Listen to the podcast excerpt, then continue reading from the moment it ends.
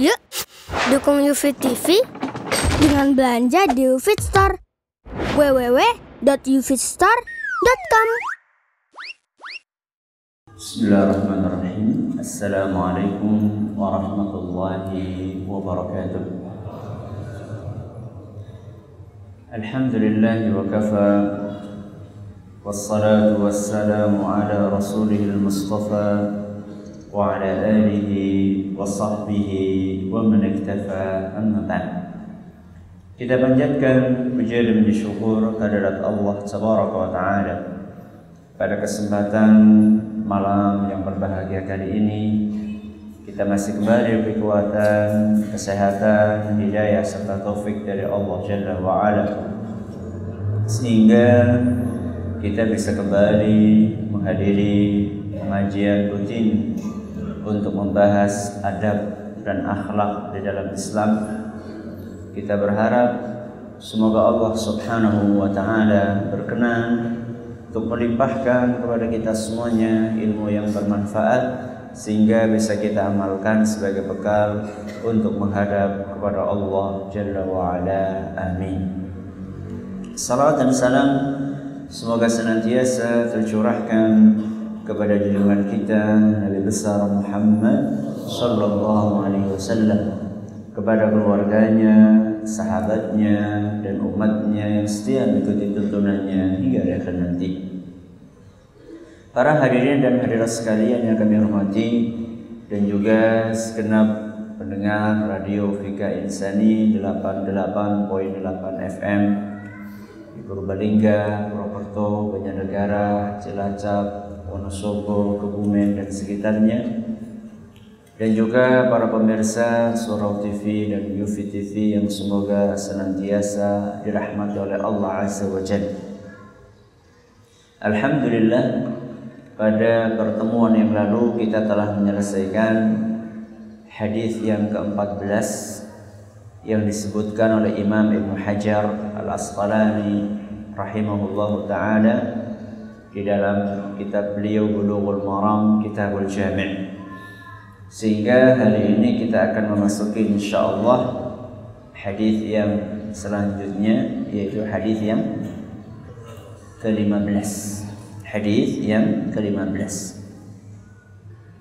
hadis yang ke-15 ini adalah sebuah hadis yang diriwayatkan oleh Imam Muslim rahimahullahu taala sebenarnya berkaitan erat dengan etika makan dan etika minum. Namun ada satu poin penting yang disampaikan oleh Nabi SAW di dalam hadis tersebut yang membuat kita perlu untuk membuat prolog terlebih dahulu sebelum masuk hadis ini. Satu ayat yang kita hafal semua di awal-awal surat Al-Fatihah. Manakala Allah Subhanahu wa taala berfirman, "Alhamdulillahi rabbil alamin." Allah Subhanahu wa taala di dalam ayat ini menyebutkan dua nama Nama yang pertama adalah Alhamdulillahi Rabbil Alamin. Ada berapa Asmaul Husna?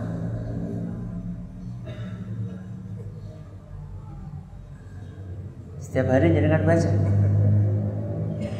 Alhamdulillahi Rabbil Alamin. Ada berapa Asmaul Husna? Dua. Tiga. Dua apa tiga? Dua. Dua apa satu? Dua. Dia mengatakan dua. Yang pertama apa? Yang pertama Allah Allah Asmaul Husna bukan? Itu yang paling pokok itu. Alhamdulillah Allah. Yang kedua? Rabbul Alamin. Yang ketiga? Jadi yang bilang tiga siapa? Cuma dua. Allah dengan Rabbul Alamin. Apa artinya Rabbul Alamin? Rabb Rabbul Alamin itu nama yang disusun dari dua kata. Yang pertama Rabb, yang kedua Alamin. Berarti kalau kita pengen tahu arti Rabbul Alamin, maka kita harus tahu arti dua kata itu. Yang pertama Rabb, yang kedua Alamin. Seperti silaturahim. Silaturahim itu berasal dari berapa kata? Dua. Sila sama rahim. Berarti kalau pengen tahu arti silaturahim, kita harus tahu dua kata. Silah artinya apa? Rahim artinya apa? Rabbul Alamin itu juga berasal dari berapa kata? Dua. Yang pertama Rabb, yang kedua Alamin. Rabb artinya apa? Rabbi, Rabbana. Bok sering kita ucapkan artinya apa? Tuhan. Rabb itu adalah pencipta, pemilik dan pengatur. Itu namanya Rabb. Apa Rabb? Pencipta, pemilik dan pengatur. Pencipta, pemilik, pengatur. Pencipta apa, pemilik apa, pengatur apa? Alamin. Apa artinya alamin? Alamin itu adalah seluruh makhluk ciptaan Allah. Berarti Rabbul Alamin artinya adalah pencipta seluruh makhluk, pemilik seluruh makhluk satu lagi apa tadi? Pengatur seluruh makhluk. Yang akan kita bahas adalah makhluk-makhluk Allah. Banyak atau sedikit? Bukan banyak, tapi banyak sekali. Bukan hanya banyak, tapi sangat beragam dan macam-macam. Ada makhluk Allah yang kerjaannya ibadah terus. Ada makhluk Allah kebalikannya. Kerjaannya berbuat dosa terus. Dan ada jenis yang ketiga. Kadang ibadah, kadang maksiat. Macam-macam makhluk ciptaan Allah. Siapa yang pertama? Malaikat. Makhluk yang kerjanya ibadah terus gak pernah berbuat maksiat. Allah sebutkan dalam Al-Quran surat At-Tahrim ayat 6. Surat At-Tahrim ayat 6. Allah berfirman, "La ya'sunallaha ma amarahum." Malaikat tidak pernah berbuat maksiat. Wa yaf'aluna ma yu'marun selalu menjalankan perintah Allah. Tidak pernah telat. Tidak pernah engkau engkau di sini. Ini makhluk jenis yang pertama. Kebalikannya yang kedua, dosa terus melakukan kejahatan terus. Siapa? Setan. Allah berfirman dalam Al-Qur'an surat Al-Baqarah ayat 169. Surat apa? Al-Baqarah ayat 169. Innama ya'murukum bis-su'i wal fahsya' setan itu selalu dan terus-menerus mengajak kalian untuk melakukan kejahatan wal fahsyai dan perbuatan keji. Jadi nggak ada setan itu ngajak kebaikan. Ini yang kedua. Yang pertama baik terus. Yang kedua jahat terus. Yang ketiga kadang baik kadang jahat. Sinten? Kulo kali jenengan manusia. Saya dan Anda. Kadang semangat ibadah, kadang males. Kadang nek ngaji nang arep dhewe kadang ora mangkat. Esi mending nembur orang mangkatnya bukan karena ada halangan ya memang biasa. Iman naik turun Ustaz. Iman fluktuatif. Kadang naik kadang kita ini yang berpotensi untuk melakukan kebaikan dan keburukan. Berbeda dengan malaikat. Karena malaikat gak punya nafsu. Sedangkan kita manusia dibekali oleh Allah nafsu. Nah kita ini sebagai makhluk yang punya potensi untuk melakukan kebaikan dan melakukan keburukan. Dianjurkan di dalam agama kita untuk mencontoh malaikat atau setan? Malaikat. Makanya di dalam diri kita itu ada dua bisikan. Lammatun minal malaki wa lammatun syaitan ada dua bisikan. Bisikan yang pertama, bisikan yang mengajak kebaikan. Dari siapa? Malaikat. Dan yang kedua, bisikan yang mengajak kepada keburukan dan kejahatan. Sinten? Setan. Kalau nggak percaya, coba buktikan. Cewek cakep lewat bus Deleng apa orang? Deleng orang, deleng orang, deleng orang, gitu kan? Si nyuruh deleng siapa? Setan. Yang nyuruh enggak siapa? Malaikat. Setannya bilang, wah emang emang kapan mani? Rezeki kok. Itu siapa? Setan. Malaikat bilang, ujang tundukkan pandangan mata nggak halal ya. ada pertem pertempuran di dalam hati kita yang namanya pertempuran kadang menang kadang kalah sering menang apa sering kalah ya yang dulu-dulu Ustaz lihat situasi dan dan kondisi. Allah Subhanahu wa taala selalu mewanti-wanti kita supaya kita tidak ikut-ikutan dan tidak menyerupai perilaku setan.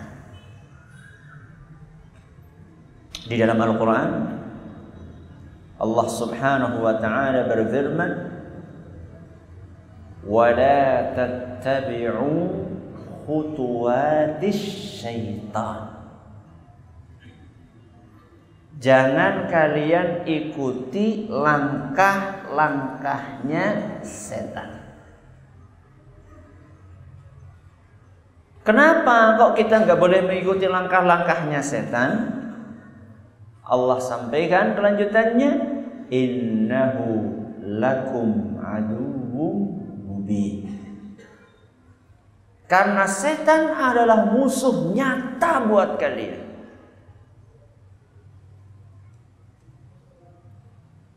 Surat Al-Baqarah.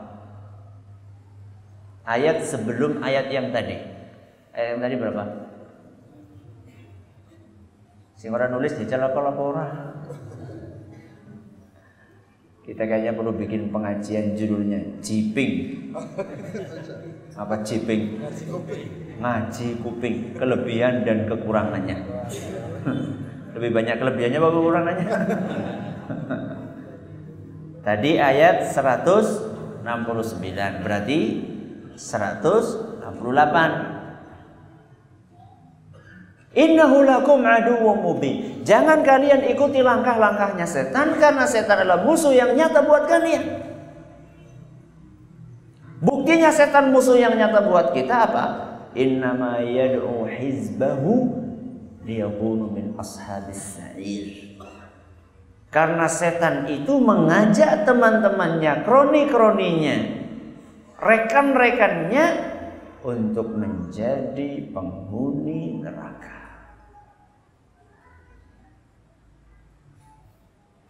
Walaupun kelihatannya apa yang dia ajak itu indah, tapi nanti ujungnya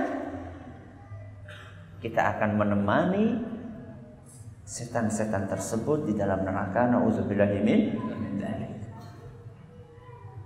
Dan nanti seandainya sudah bareng-bareng masuk ke neraka, setan akan bantu kita? Tidak mungkin. La talumuni walumu anfusakum kata setan. Kalian gak usah salahkan saya, salahkan kalian sendiri. Aku kan cuma ngajak, gak maksa. Salahnya sendiri, mau. Setan itu seperti itu tipenya. Makanya diwanti-wanti oleh Allah innahu lakum aduwwum mubin. Setan itulah musuh sebenarnya buat kalian.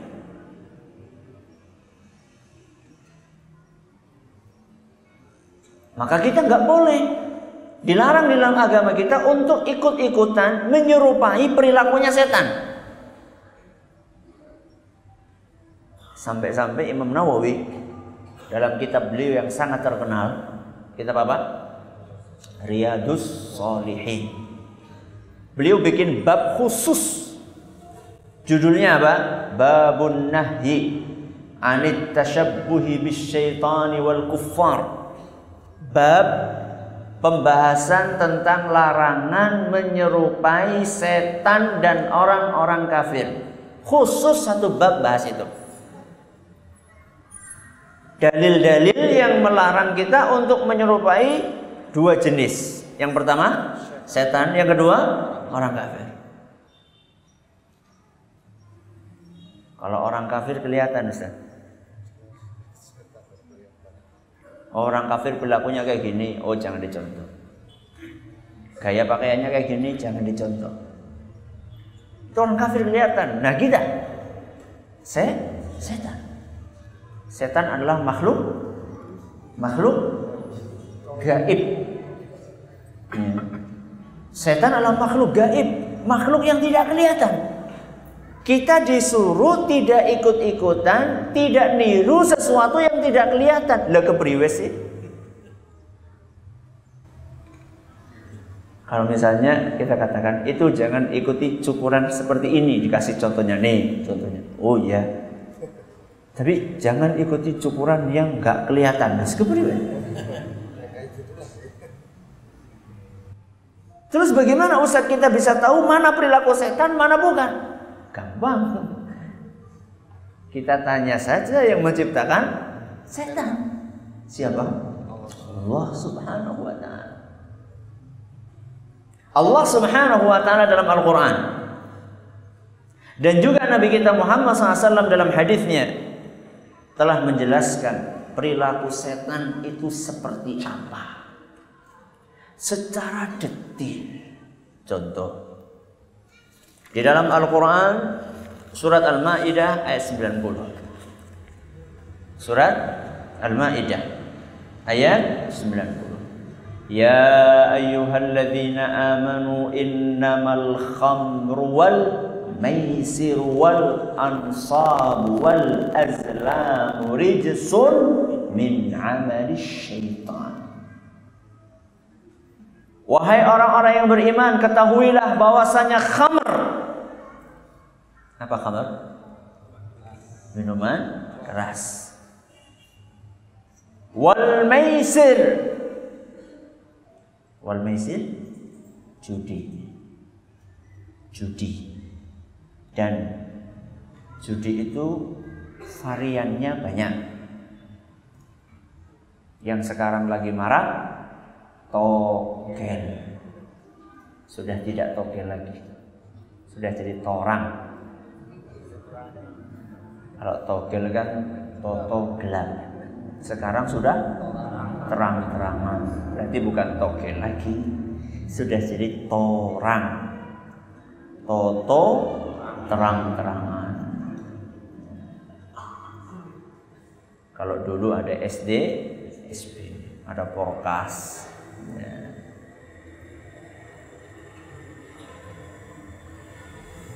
Yang pertama khamr, yang kedua judi. Wal ansabu dan undi nasib. Mengundi nasib. Wal azlamu maaf kebalik. Al ansabu itu berhala, maaf. Al ansab itu berhala alias penyembahan kepada selain Allah. Wal azlamu dan undi nasib min amal min amali syaitan. Itu semua adalah najis. Itu semua adalah kotor termasuk perilakunya setan. Fajtanibuhu maka jauhilah perilaku tersebut.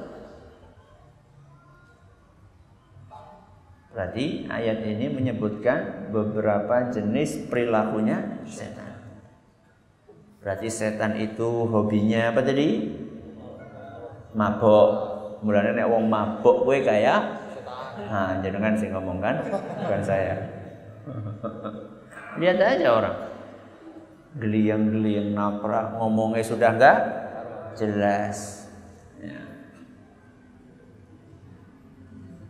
Sama juga judi. Ya. Dan khusus untuk dua perilaku ini, set, uh, apa tadi? Miras dengan judi. Itu di dalam ayat berikutnya. Tadi ayat berapa? 90. Berarti berikutnya 91 secara khusus digandingkan oleh Allah Subhanahu wa taala innama yuridu syaitanu an yuqi'a bainakumul adawata wal baghdha'a fil khamri wal maisir. Setan melalui dua pintu ini pintu apa tadi? Miras dan judi. Melalui dua pintu ini, setan ingin menimbulkan permusuhan dan kebencian di antara kalian. Maka masyarakat yang di dalamnya tersebar dua penyakit ini pasti tidak rukun, pasti. Karena itu tujuannya. Lihat rumah tangga yang salah satu dari pasangannya hobinya miras atau judi. Rukun? Orang mungkin.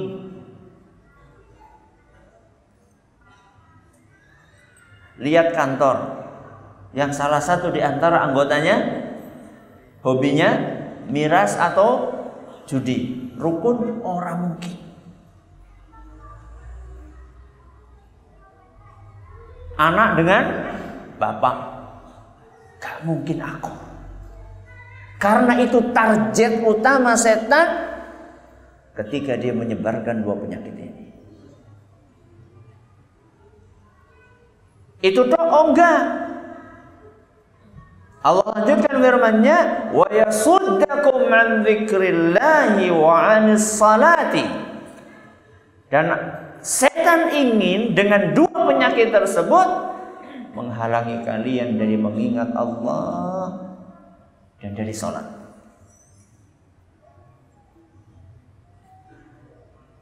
Jarang sekali ada orang mabuk ketika mabuk itu subhanallah alhamdulillah. Anak orang? Nauzubillah min dzalik, jangan-jangan ada mabuk Islam ini.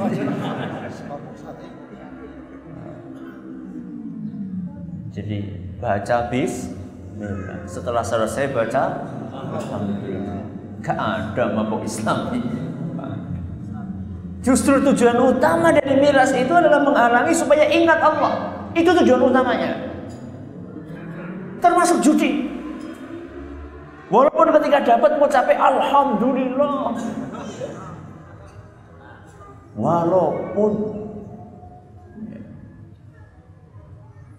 seharusnya a'udzubillahi minasyaitonir rajim. Ini contoh perilaku setan. Ada lagi Ustaz? Ada. Contoh ya, perilaku setan yang diceritakan oleh Rasulullah SAW. Kalau tadi perilaku setan yang diceritakan oleh Allah dalam Al-Quran. Sekarang contoh perilaku setan yang diceritakan oleh Nabi SAW dalam hadis. Dalam sebuah hadis yang diriwayatkan oleh Imam Tirmidzi, hadis ini masih diperselisihkan kesahihannya oleh para ulama. Sebagian ulama seperti Imam At-Tirmidzi sebagaimana dinukil oleh Imam Ibnu Hajar dalam kitab beliau Bulughul Maram menyatakan hadis ini hasan masih bisa dipakai.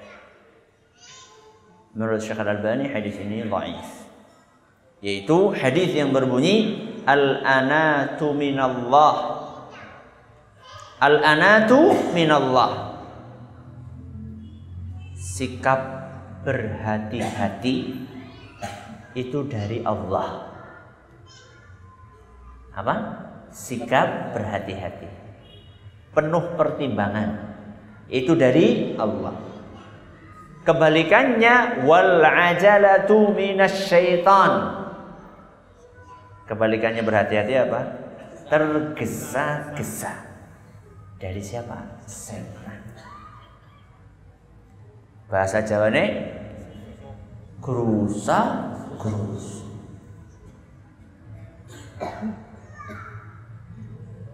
Gerusa gerusu milih pasangan itu juga dari setan. Gerusa gerusu apa maning? Gerusa gerusu dalam pekerjaan itu juga dari Pokoknya setiap sikap tergesa-gesa itu dari setan. Ustaz kalau ada yang ada istri Ustaz, dia nyiapin ini, nyiapin ini, nyiapin ini, tergesa-gesa atau tidak Ustaz? Itu namanya cekatan. Beda nggak? Bedanya apa jasa? Cekatan kalau gerusa-gerusu, bedanya apa?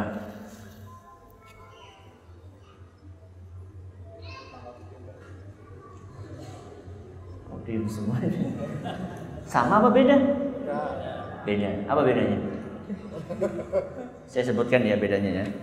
Gerusa-gerusu elek, cekatan apik. Iya toh? Betul? Ada yang protes? Enggak. Iya Ustaz, saya paham. Iya. Gerusa-gerusu kata para ulama At-taqaddumu bisyai'i qabla waktihi. Melakukan sesuatu sebelum waktunya. Apa? Melakukan sesuatu sebelum waktu.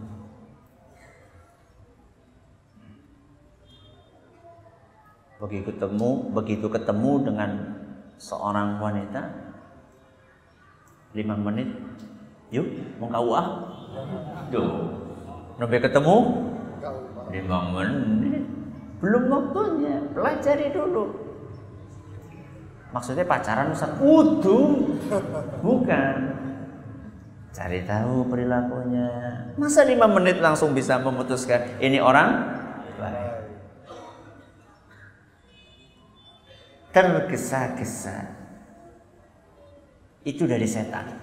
Makanya yang namanya tergesa-gesa itu selalu menimbulkan penyesalan. Dan penyesalan itu ada di awal apa di akhir? Ya, aduh, jebule ternyata milih rumah sama. Ya. Jangan tergesa-gesa. Makanya orang Arab mengatakan al-jaru qabla dar. Lihat dulu tetangga sebelum milih rumah. Jadi bukan hanya oh rumahnya pas cocok. Lokasinya saya suka. Dekat dari pasar. Dekat dari sekolah, dekat dari ini. Lihat tetangganya dulu. Baik-baik atau tidak. Jangan memutuskan sebelum waktunya. Itu namanya tergesa-gesa. Nah, kebalikannya kalau cekatan itu adalah taqdimus syai'i fi aqrabi awqatihi. Mempercepat melakukan sesuatu pada waktunya. Jadi kalau sudah ketemu waktunya, gak usah diundur-undur. Ya. Contoh, lihat ada derita Rohingya, derita kita bersama. Ada kota. Kemudian ini tanggal berapa sekarang? Tanggal apa? Kita tanggal nomor tanggal tua. Nomor apa tua? Nombong? Apa wis tua maning?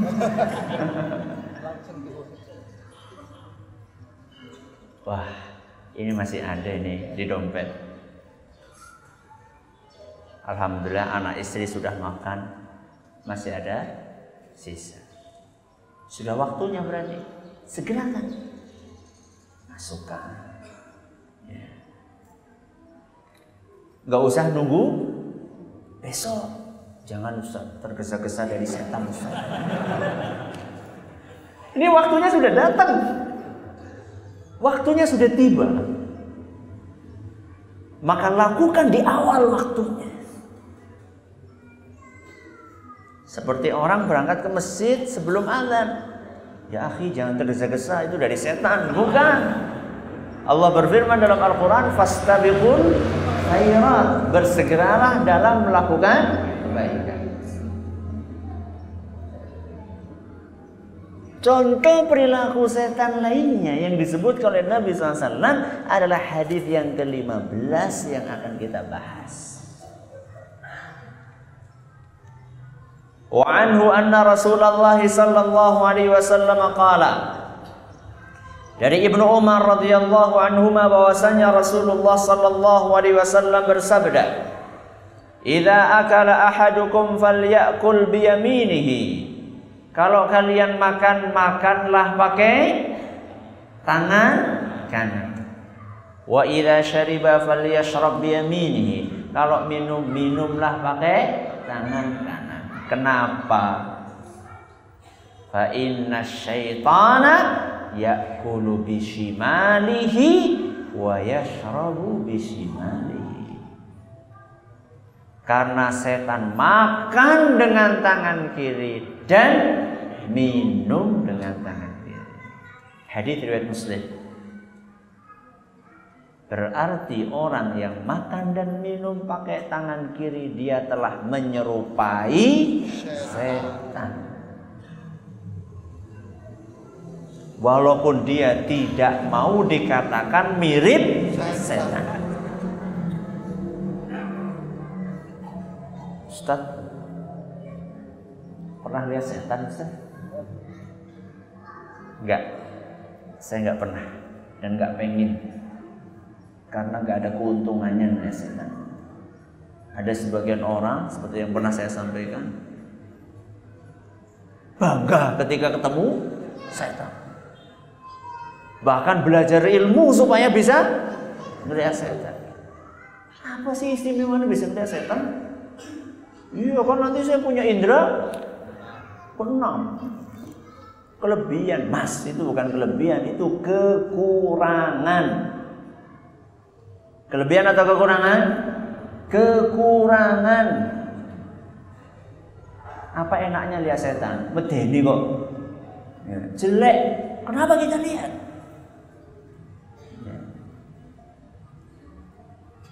Ustaz memang pernah lihat? Enggak, saya belum pernah lihat setan dan mudah-mudahan tidak lihat setan. Terus tahu dari mana kalau setan makan pakai tangan kiri? Ya tadi. Dari siapa? Rasulullah SAW. Rasulullah SAW tahu dari siapa? Dari Allah Subhanahu wa taala. Dan Rasulullah SAW pernah berdakwah mendakwahi setan, mendakwahi jin. Allah ceritakan kisah itu dalam surat Al-Jin. Qul uhiya ilayya annahu istama'a nafarun minal jinni faqalu inna sami'na qur'anan ajaba. Ya, baca eh, cari nanti surat apa? Al-Jin. Di situ ada cerita Nabi SAW mendakwai kaum jin. Berarti Nabi SAW pernah melihat jin-jin tersebut dengan izin Allah Subhanahu wa taala untuk berdakwah. Ya. Makanya saat itu diceritakan ada seorang sahabat yang datang setelah selesai dakwah. Setelah selesai dakwah, ada seorang sahabat datang, dikasih tahu sama Nabi SAW, ini tadi barusan saya baru dakwah. Mendakwahi siapa? Majelis taklim. Majelis taklim sini. Itu bekasnya tuh masih ada. Apa bekasnya? Gosong. Bekas gosong. Bekas tanah gosong gitu ya. Karena memang mereka terbuat dari api. Tuh masih ada bekas-bekasnya. Nabi SAW pernah melihat. Dan Nabi SAW mendapatkan cerita tentang setan dari siapa? Dari Allah Subhanahu wa Ta'ala. Dan Nabi kita Muhammad SAW ketika menyampaikan sesuatu nggak pernah bohong. Nabi SAW nggak pernah berdusta.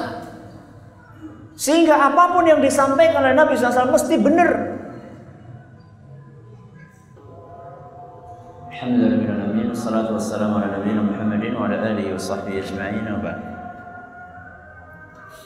Kita akan ringkas apa yang sudah kita sampaikan pada kajian barusan bahwa Allah Subhanahu wa taala salah satu namanya adalah Rabbul Alamin.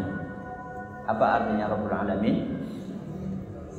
Pencipta, pemilik, pengatur seluruh makhluknya.